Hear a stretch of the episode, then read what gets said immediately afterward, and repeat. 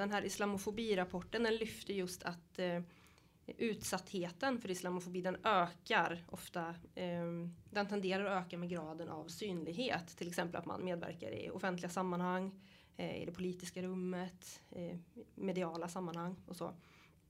Ehm, och då ser man också att muslimer allt mer tenderar att tystna och försvinna från den offentliga sfären. Eh, just på grund av att man får väldigt lätt anklagelser för extremism. Man kopplas ihop med suspekta grupperingar. Eh, men också att man upplever en brist på politiska allierade då. Ehm, och då pratar man i rapporten om hur dagens politiska landskap har bidragit till att eh, man har förskjutit gränserna för hur man pratar om islam och om muslimer. Man har anammat en mer antimuslim, antimuslimsk retorik.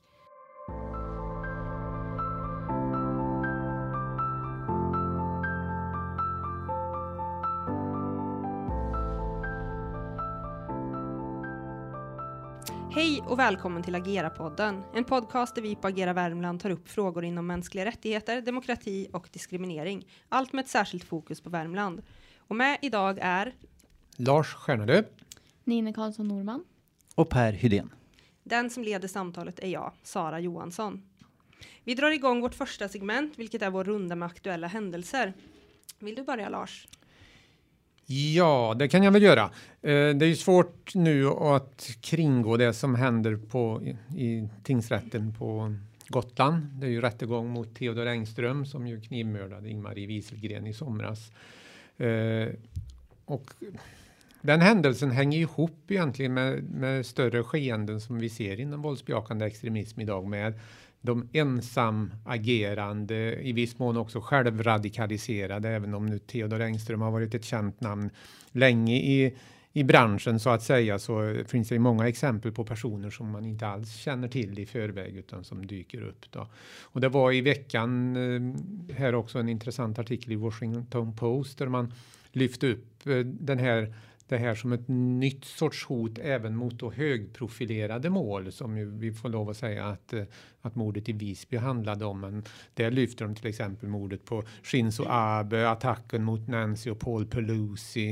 Eh, vi hade ju också nu alldeles häromdagen en, en knivattack i Bryssel där personen i fråga hade varit inne på en polisstation eh, tidigare under dagen och berättat eller sagt att han tänkte utföra ett dåd. Eh, man hade bedömt att hans psykiska hälsa var dålig så man hade skjutsat honom till en psykiatrisk klinik. Men de hade släppt ut dem tillbaka och han eh, genomförde det här dådet senare under dagen.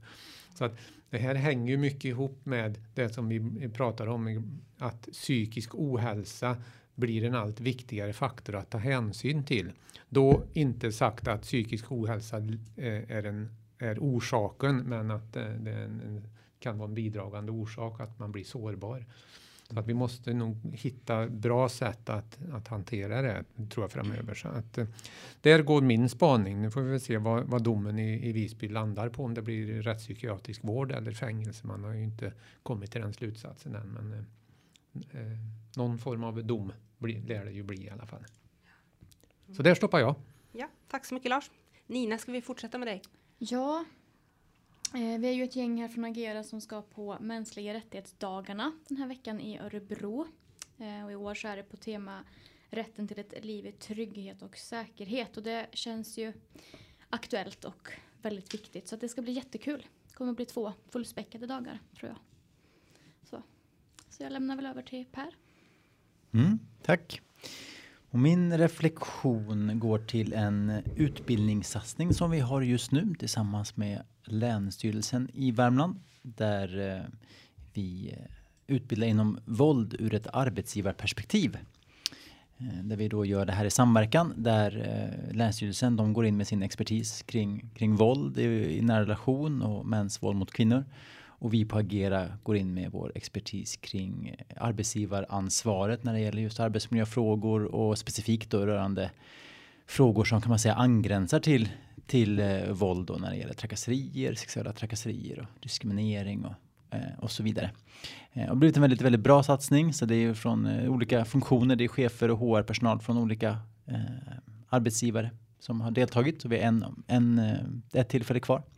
Så väldigt viktigt och roligt att vi har kunnat hitta det sam, samarbete så att säga. För det, oavsett vilken fråga det rör, om det är så att man har en medarbetare som blir faktiskt utsatt för våld i hemmet eller om det sker våld på arbetsplatsen eller om man har en eh, man har en situation där, där eh, det framkommer att det föregår sexuella trakasserier mellan eh, medarbetare på arbetsplatsen så har ju arbetsgivaren en roll att spela och kan erbjuda ganska mycket stöd och kan vara en sån kraft som, som frågar och, och såklart också i många fall har väldigt stort ansvar när det också sker på arbetsplatsen. Så ja, men det har blivit en jättebra utbildning och eh, roligt samarbete. Ja. Roligt. Mm. Så, tack för det. Eh, då tar vi min spaning den här veckan eh, och jag tittar mot Göteborg den här gången där eh, socialförvaltningen Nordost har ett treårigt projekt som heter Motståndskraft mot rasism och de har genomfört en enkätundersökning nu eh, för att undersöka utsattheten för rasism bland ungdomar i nordöstra Göteborg. Där då Angered, Bergsjön och Kortedala som det handlar om. Eh, och i enkäten så tillfrågades 430 ungdomar mellan 13 och 19 år om de någon gång hade utsatts för rasism. Och 65 procent av dem svarade ja. Men man tror att den här siffran egentligen är högre för det är inte alltid man kan sätta ord på att det är rasism olika kränkningar handlar om då. Men av, inom den här gruppen som ändå svarade ja så var det också 72 procent som inte hade anmält händelsen vidare. Eh, och det förklarades ofta med att anmälningar leder sällan någon vart men också en misstro mot myndigheter och särskilt då polisen. Eh, så det här visar ju på vikten av arbetet mot rasism. Både vad, när det gäller att utbilda om vad rasism är för någonting men också ge verktyg då för att motverka och bemöta detsamma. Så det var min spaning.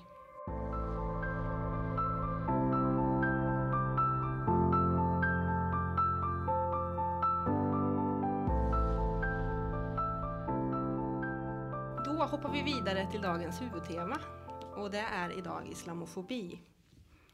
Islamofobi det är ett begrepp som man började använda i slutet av 1900-talet och det är då ett samlingsnamn för olika former av antimuslimska yttringar. Så det täcker upp ett väldigt brett spektrum av handlingar. Allt från stereotypa uppfattningar, fördomar till rena hatbrott. Eh, det som förenar dem är att den drabbade individen reduceras till sin religiösa identitet eller sin förmodade religiösa identitet ska sägas. För det kan också vara så att man antas vara muslim på grund av utseende, namn, vilka man umgås med, ursprungsland eller liknande. Och jag tänkte börja eh, med att göra en kort tillbakablick eh, till förra sekelskiftet när 99,7 procent av alla svenskar var medlemmar i Svenska kyrkan. Och det var bara 35 000 invånare som var födda utomlands och då kom de flesta från grannländerna. Då 1897 så kom en man som hette Ebrahim Umerkayef till Sverige. Han flyttade till Stockholm från Ryssland och han var då Sveriges första muslim. Och han var ensam i sitt slag ganska länge. Eh, hoppar vi några decennier framåt till folkräkningen 1930 så var det två personer som uppgav att de var muslimer. För det var sista folkräkningen där man frågade efter religionstillhörighet. Eh, och sen dess har det hänt ganska mycket. Sverige är idag eh, världens kanske mest sekulariserade land. Eh, där religionen betyder allt mindre för människor. Samtidigt har det också blivit Europas mest mångreligiösa land. Och idag är närmare en miljon människor muslimer. Och det är Sveriges näst största religion. Så det har hänt ganska mycket eh, sedan Ibrahim Omer Keyef kom hit och var ensam i sitt slag. Eh, Simon Sorgenfrey som är professor i religionsvetenskap har skrivit en hel del om hur de första muslimerna kom till Sverige. Och han menar att inledningsvis så var det ganska ovanligt att de utsattes för diskriminering. Men det här är ju någonting som har förändrats ganska mycket sedan dess. Eh, och idag så ska vi prata om en nysläppt rapport, European Islamophobia Report, som vi kommer länka till i våra sociala medier ifall man vill läsa mer.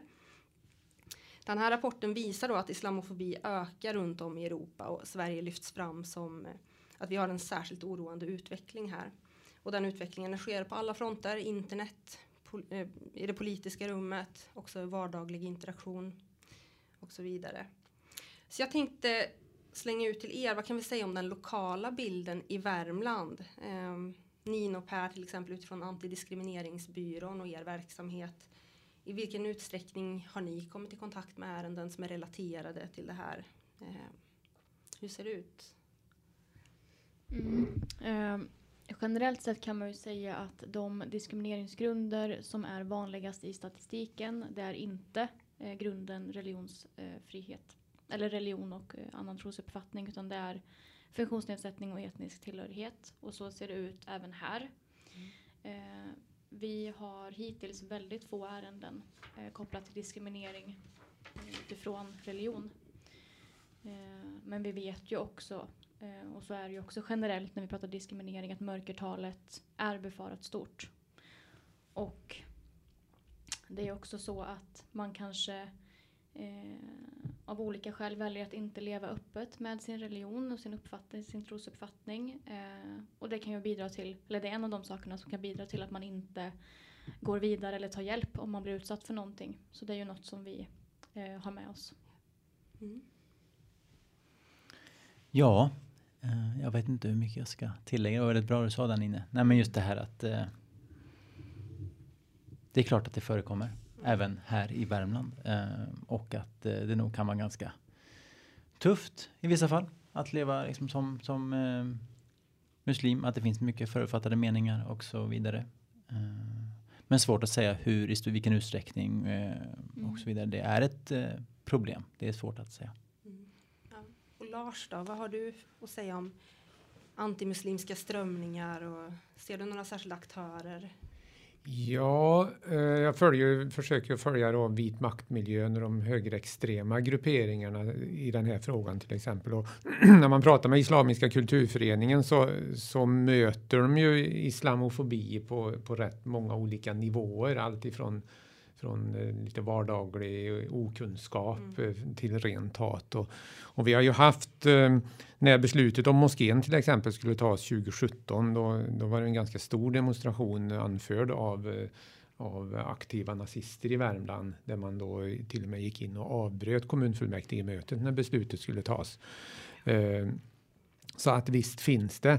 Eh, samtidigt så är ju om man tittar på, på just eh, de nazistiska grupperna kopplat till Nordiska motståndsrörelsen så är man ju också rätt kluven i frågor kring, eh, kring islam och, och det är ju till och med så att man i vissa bitar går in och hyllar. Man hyllade talibanernas övertag i Afghanistan för man eh, liksom såg dem som, som kreativa och väldigt driftiga. Man har hyllat eh, palestinska kampen mot Israel till exempel. Så att eh, där har man ingen rak linje. Däremot har vi eh, ett parti som heter Alternativ för Sverige som ju är kanske det mest islamofobiska partiet och de har ju ett, eh, inte stort eh, fäste i Värmland, men man eh, fick ändå 460 röster lite drygt har jag för mig nu i, i valet senast och till och med ökade i vissa kommuner. Och deras agenda är ju väldigt tydligt inriktad på, på antimuslimsk eh, verksamhet där man då vill eh, skicka ut alla muslimer ur landet, förbjuda muslimer att, eh, att få tillträde till Sverige och så vidare.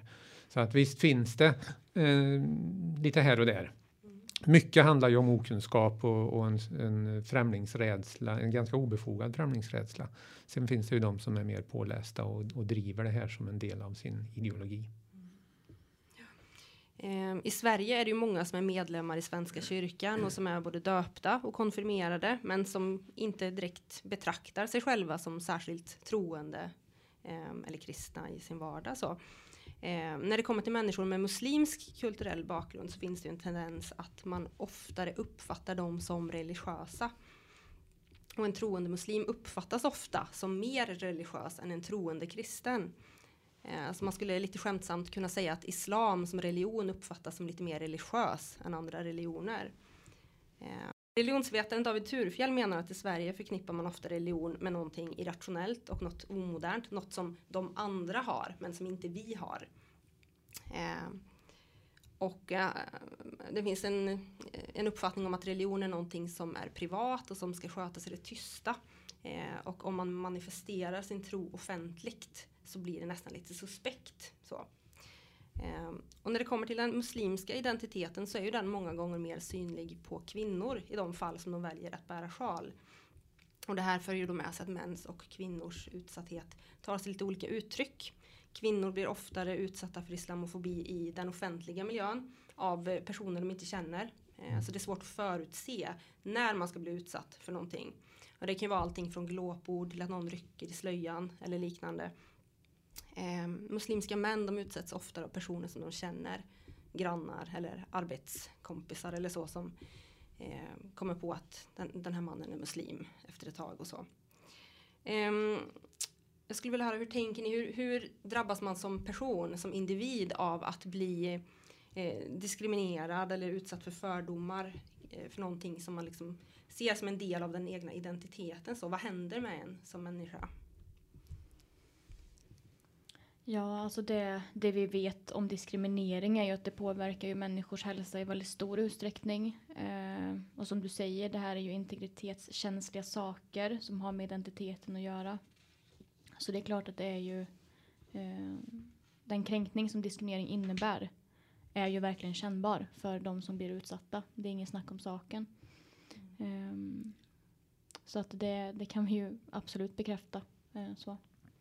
Ja, nej, men jag tror många gånger så berör det liksom in i det djupaste, det innersta. Eh, alltså det är en del av ens, av en själv ofta för många. många. Eh, och då kan det, alltså det är såklart också en spännvidd av vilka typer av situationer. Ibland kan det vara rena liksom då, orättvisor, att man faktiskt blir utstängd från något eh, jobb eller att man blir orättvist behandlad på grund av sin, sin eh, muslimska tro. Då.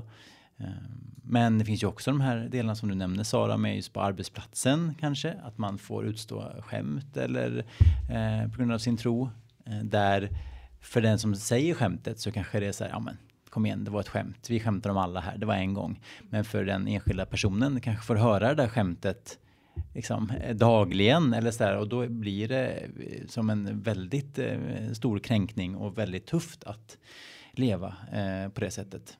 Så att det är ju de bitarna som kanske inte alltid syns. Att för någon som eh, ser det bara som att ja, men det var väl ett skämt på jobbet kanske inte då inser att det här är kanske något som sker väldigt ofta och hur skulle det vara att få sin, en av sina djupaste identiteter eh, ifrågasatt eller skämtad om sådär hela tiden. Eh, det kan sätta sig såklart väldigt hårt hos en, hos en människa och ja, vara väldigt tufft. Och där tänker jag kan också vara svårt kanske för den som blir utsatt att då stå upp för sig själv. För att kränkningen kan också vara så pass stor. Eh, att det påverkar en så. Och då blir det väldigt viktigt att det finns kollegor runt omkring som kanske tar tar det ansvaret. Mm. Och, ja. ja, precis. Och, och, som du sa Per här att det kan ju vara en rad olika situationer där, där eh, islamofobi då till exempel förekommer i, i olika eh, former. Ibland pratar vi om mikroaggressioner, ofta kopplat till rasism. Som ju kan vara sådana här små skämt, kommentarer, eh, frågor eller blickar eh, som personen i fråga eh, själv känner att det här är kopplat till min etnicitet eller min religion. Och att även fast det inte är uttalade hot och kränkningar så, så kan de här upprepade mikroaggressionerna såklart bidra till en, en känsla av kränkning, att inte passa in, att inte ha en plats och så vidare. Ehm, så att vi kan prata om det på, på många sätt. Ehm, liksom både i, i smått och stort, eller vad man ska säga. Mm. Och där kommer jag också in på en intressant diskussion kring just också begreppet islamofobi som många liksom har eh, problem med eller så att det inte är en fobi och så där. Och det kan ju vara intressant att diskutera det begreppet eh, som jag också kan tycka kanske inte är helt passande alltid. Men det som också jag har fått eh, höra liksom att, att vissa upplever exempelvis på arbetsplatsen eller i skolan att eh, muslimer får just också den här eh, kanske att många då vill diskutera islam och kanske vill ha eller liksom vill, vill lyfta upp sin kritik eller sin så här, mot islam. Eh, och, så, och det ska man ju inte behöva diskutera på en arbetsplats. Nej, eller stå till svars för. Eller stå till liksom. svars för, precis. Och att det i sig kan också vara eh, en väldigt jobbig del och att den som då vill ta upp det här kanske inte har någon illvilja eller sådär men kanske är intresserad och ändå vill vill problematisera eh, eller liksom religionskritik och det är ju det kan man ju ha utan att vara liksom islamofob man ska säga men just att i den kontexten man gör det och att de personer inte får heller själv välja att gå in i en sån diskussion så blir det ju problematiskt. Och här så är ju också, du nämner Sara med liksom andra medarbetare som kan hjälpa till och visa civilkurage och stå upp för, för liksom sin kollega. Men också arbetsgivarens roll. Alltså det är så viktigt att man eh, tar sitt arbetsmiljöansvar och eh, även tar upp de här bitarna. Hur skämtar vi, hur pratar med, med varandra?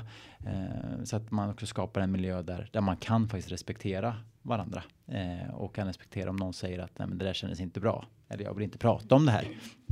Eh, jag vill inte prata om min religion. Eller, ja. Mm. Ja, det är jätteviktigt.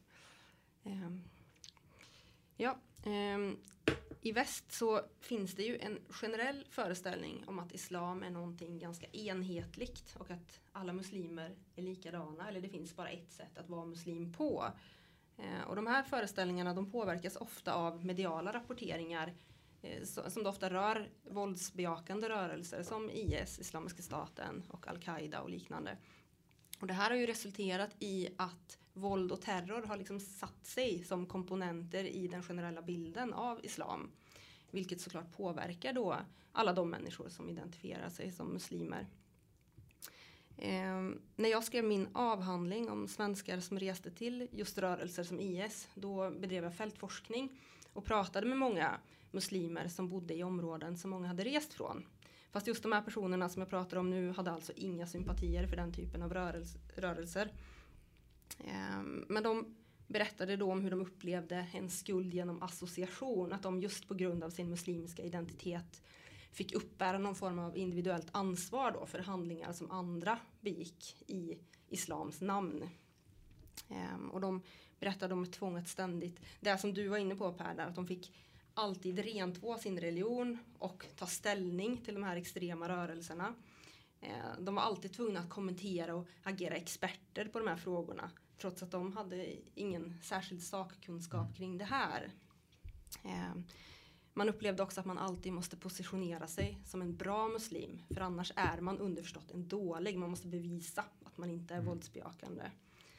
Eh, och det här resulterade i att många upplevde att de behövde göra avkall på olika delar av sin identitet. Och man kanske valde att raka bort skägget, sluta bära sjalen, eh, besökte inte längre moskén fast man skulle vilja för att man fick då ja, en större del, andel misstänksamma blickar än vad man kände att man orkade med i vardagen. Då. Eh, och det är ju så att sådana här generella föreställningar som finns i samhället de är väldigt starka och påverkar vad vi ser och så. Eh, och det blir ramar som är svåra att bryta men fortfarande viktiga. Att, eh, det är viktigt att vi börjar utmana de här bilderna som har satt sig.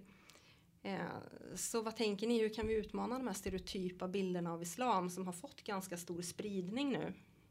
Inte minst genom media och samhällsdebatt. Ja, det handlar ju mycket om kunskap eh, om vad religionen är, hur, eh, hur islam ser ut. Och jag, jag, brukar försöka när jag när jag är ute och föreläser och, och man kommer in på, på våldsbejakande islamism och göra en, liksom en bild av hur, hur den islamska världen ser ut. Och vi har ju någonstans grovt räknat runt 1,6 miljarder personer då, som eh, tillhör islam. Eh, och bryter man ner det sen då till på de våldsbejakande grupperna och individerna så är det ju så extremt lite av den hela den muslimska världen som på något vis då är våldsbejakande eller förespråkar våld. Så att det är nästan eh, det är försumbart i sammanhanget om man pratar religion som, som helhet. Så att det, och det är en bild som man sällan får utan det är ju man, man får de här bilderna på på män i långt skägg och ett bombbälte kring magen och så är det liksom den bilden man har av islam och den, den blir ju så totalt fel. Så att, eh, vi, vi måste nog sprida kunskap kring det här. Mm. Det finns eh, forskning kring religionsundervisning i skolan också som visar att när man pratar om islam så blir det ofta de här extrema grupperingarna man lyfter fram. Eh, man pratar om IS, man pratar om Al-Qaida oh, och det här. Ja, ja, och då blir ju det den allmänna bilden av islam som mm. förmedlas ut i skolan. Eh, man gör ju inte på motsvarande sätt att man läser om Ku Klux Klan när man kommer till kristendomen. Så där har ju skolan ett viktigt uppdrag att tänka till vart man pratar om de här samhällsfenomenen som man kanske ändå ska beröra men det kanske inte ska ligga när man pratar om islam. Nej precis. Men eh, som Lars lyfter och som du Sara lyfte i ett blogginlägg som du skrev här nyligen att, att eh, alla religioner har ju i viss mån eh, eh anklagats för för våldsamheter. Mm. Det finns ju inom alla religioner och, och den här kunskapsbiten som Lars lyfter om, om eh, hur pass få eh, det rör sig om som är våldsbejakande. Det är ju den typen av kunskap vi måste eh, få ut, tänker jag. Mm. Eh, som en motvikt till de här bilderna som vi möts av kanske, ja, inte dagligen men, men veckovis. Absolut. Intressant i sammanhanget är ju då precis efter eh, Breivik hade genomfört sina attacker på Utöja så gick jag in och gjorde en bildsökning på Google där jag skrev ordet terrorist. Eh, och inte förrän på bild nummer, jag minns jag inte helt exakt, men någonstans 160 då, då var det en bild på Breivik. Alla bilder dessförinnan var just bilder på eh, muslimer i olika situationer.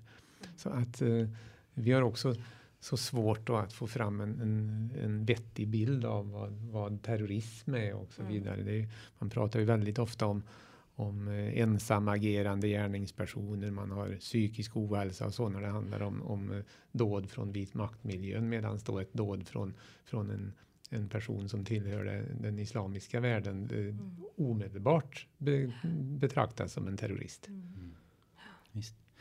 Och jag tror att det kan skilja sig lite grann på vilken nivå som vi pratar här. Alltså just på individnivå så tror jag just kunskap som ni har nämnt men också så här det mänskliga mötet är så viktigt. Mm. Man ser att vi, vi är alla människor. Eh, det tror jag är superviktigt när det gäller de här frågorna. Att få en förståelse.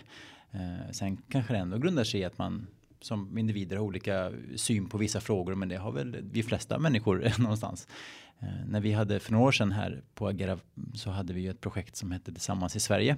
Där vi träffade nyanlända eh, ungdomar i skolan för att just prata om rättigheter och skyldigheter och eh, svensk liksom, kultur och svenska samhället och vad man möts av och sådär. Och det var så otroligt fina samtal och vad mycket som det gav mig personligen. Och också att, att prata om de här frågorna. Och, för då kom det ju upp frågor kring religion förstås. Eh, och hur liksom möts det i det svenska samhället. Och, och bara ha det och lära känna eh, varandra. Eh, och där blir ju tyvärr också, och det ser ju olika ut i olika delar av Sverige. Med liksom vår problem med segregation och liknande. Att människor inte alltid möts i sin vardag som har olika eh, trosuppfattningar. Mm. Eh, för just på individnivå tror jag ju att det mänskliga mötet är så viktigt. Mm. För det är ju ändå få av oss vill jag tro som är eh, uttalat eller man säger så här eh, med avsikt hatiska mot eh, muslimer. Men det kan finnas okunskap och man just att det mm, ja, för man också sällan träffar någon som har den tron och kan eh, ja, så.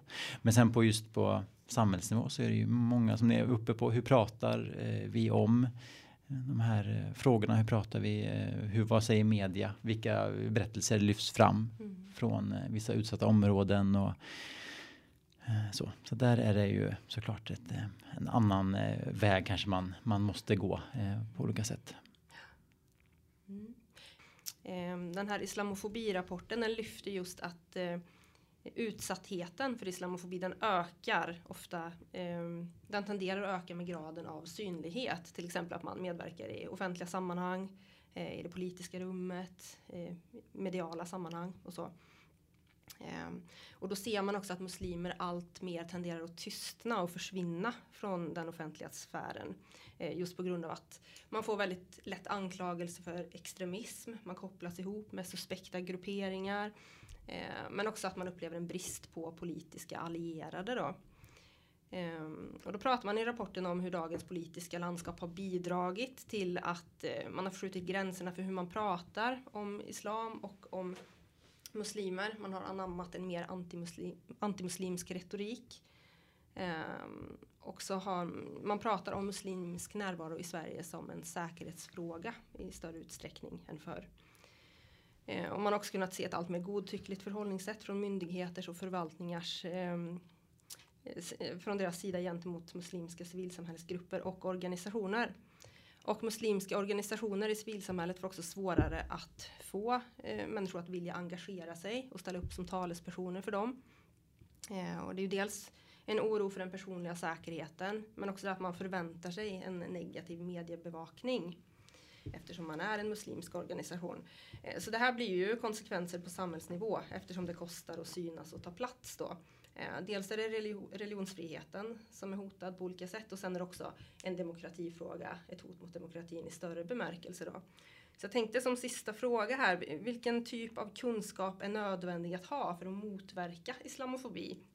Och de här tendenserna då. Hur kan vi bredda samtalet och inkludera fler röster? För man pratar också i rapporten om att det offentliga samtalet kring muslimer och islam styrs ganska mycket av en mindre eh, grupp individer. Politiker, journalister, eh, akademiker som, som tenderar att styra det i en antimuslimsk riktning.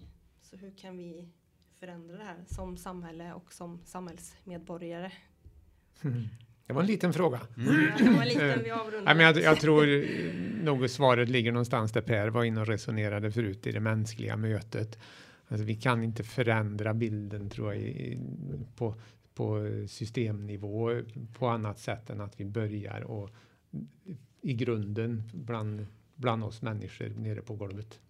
Jag tror det handlar om det.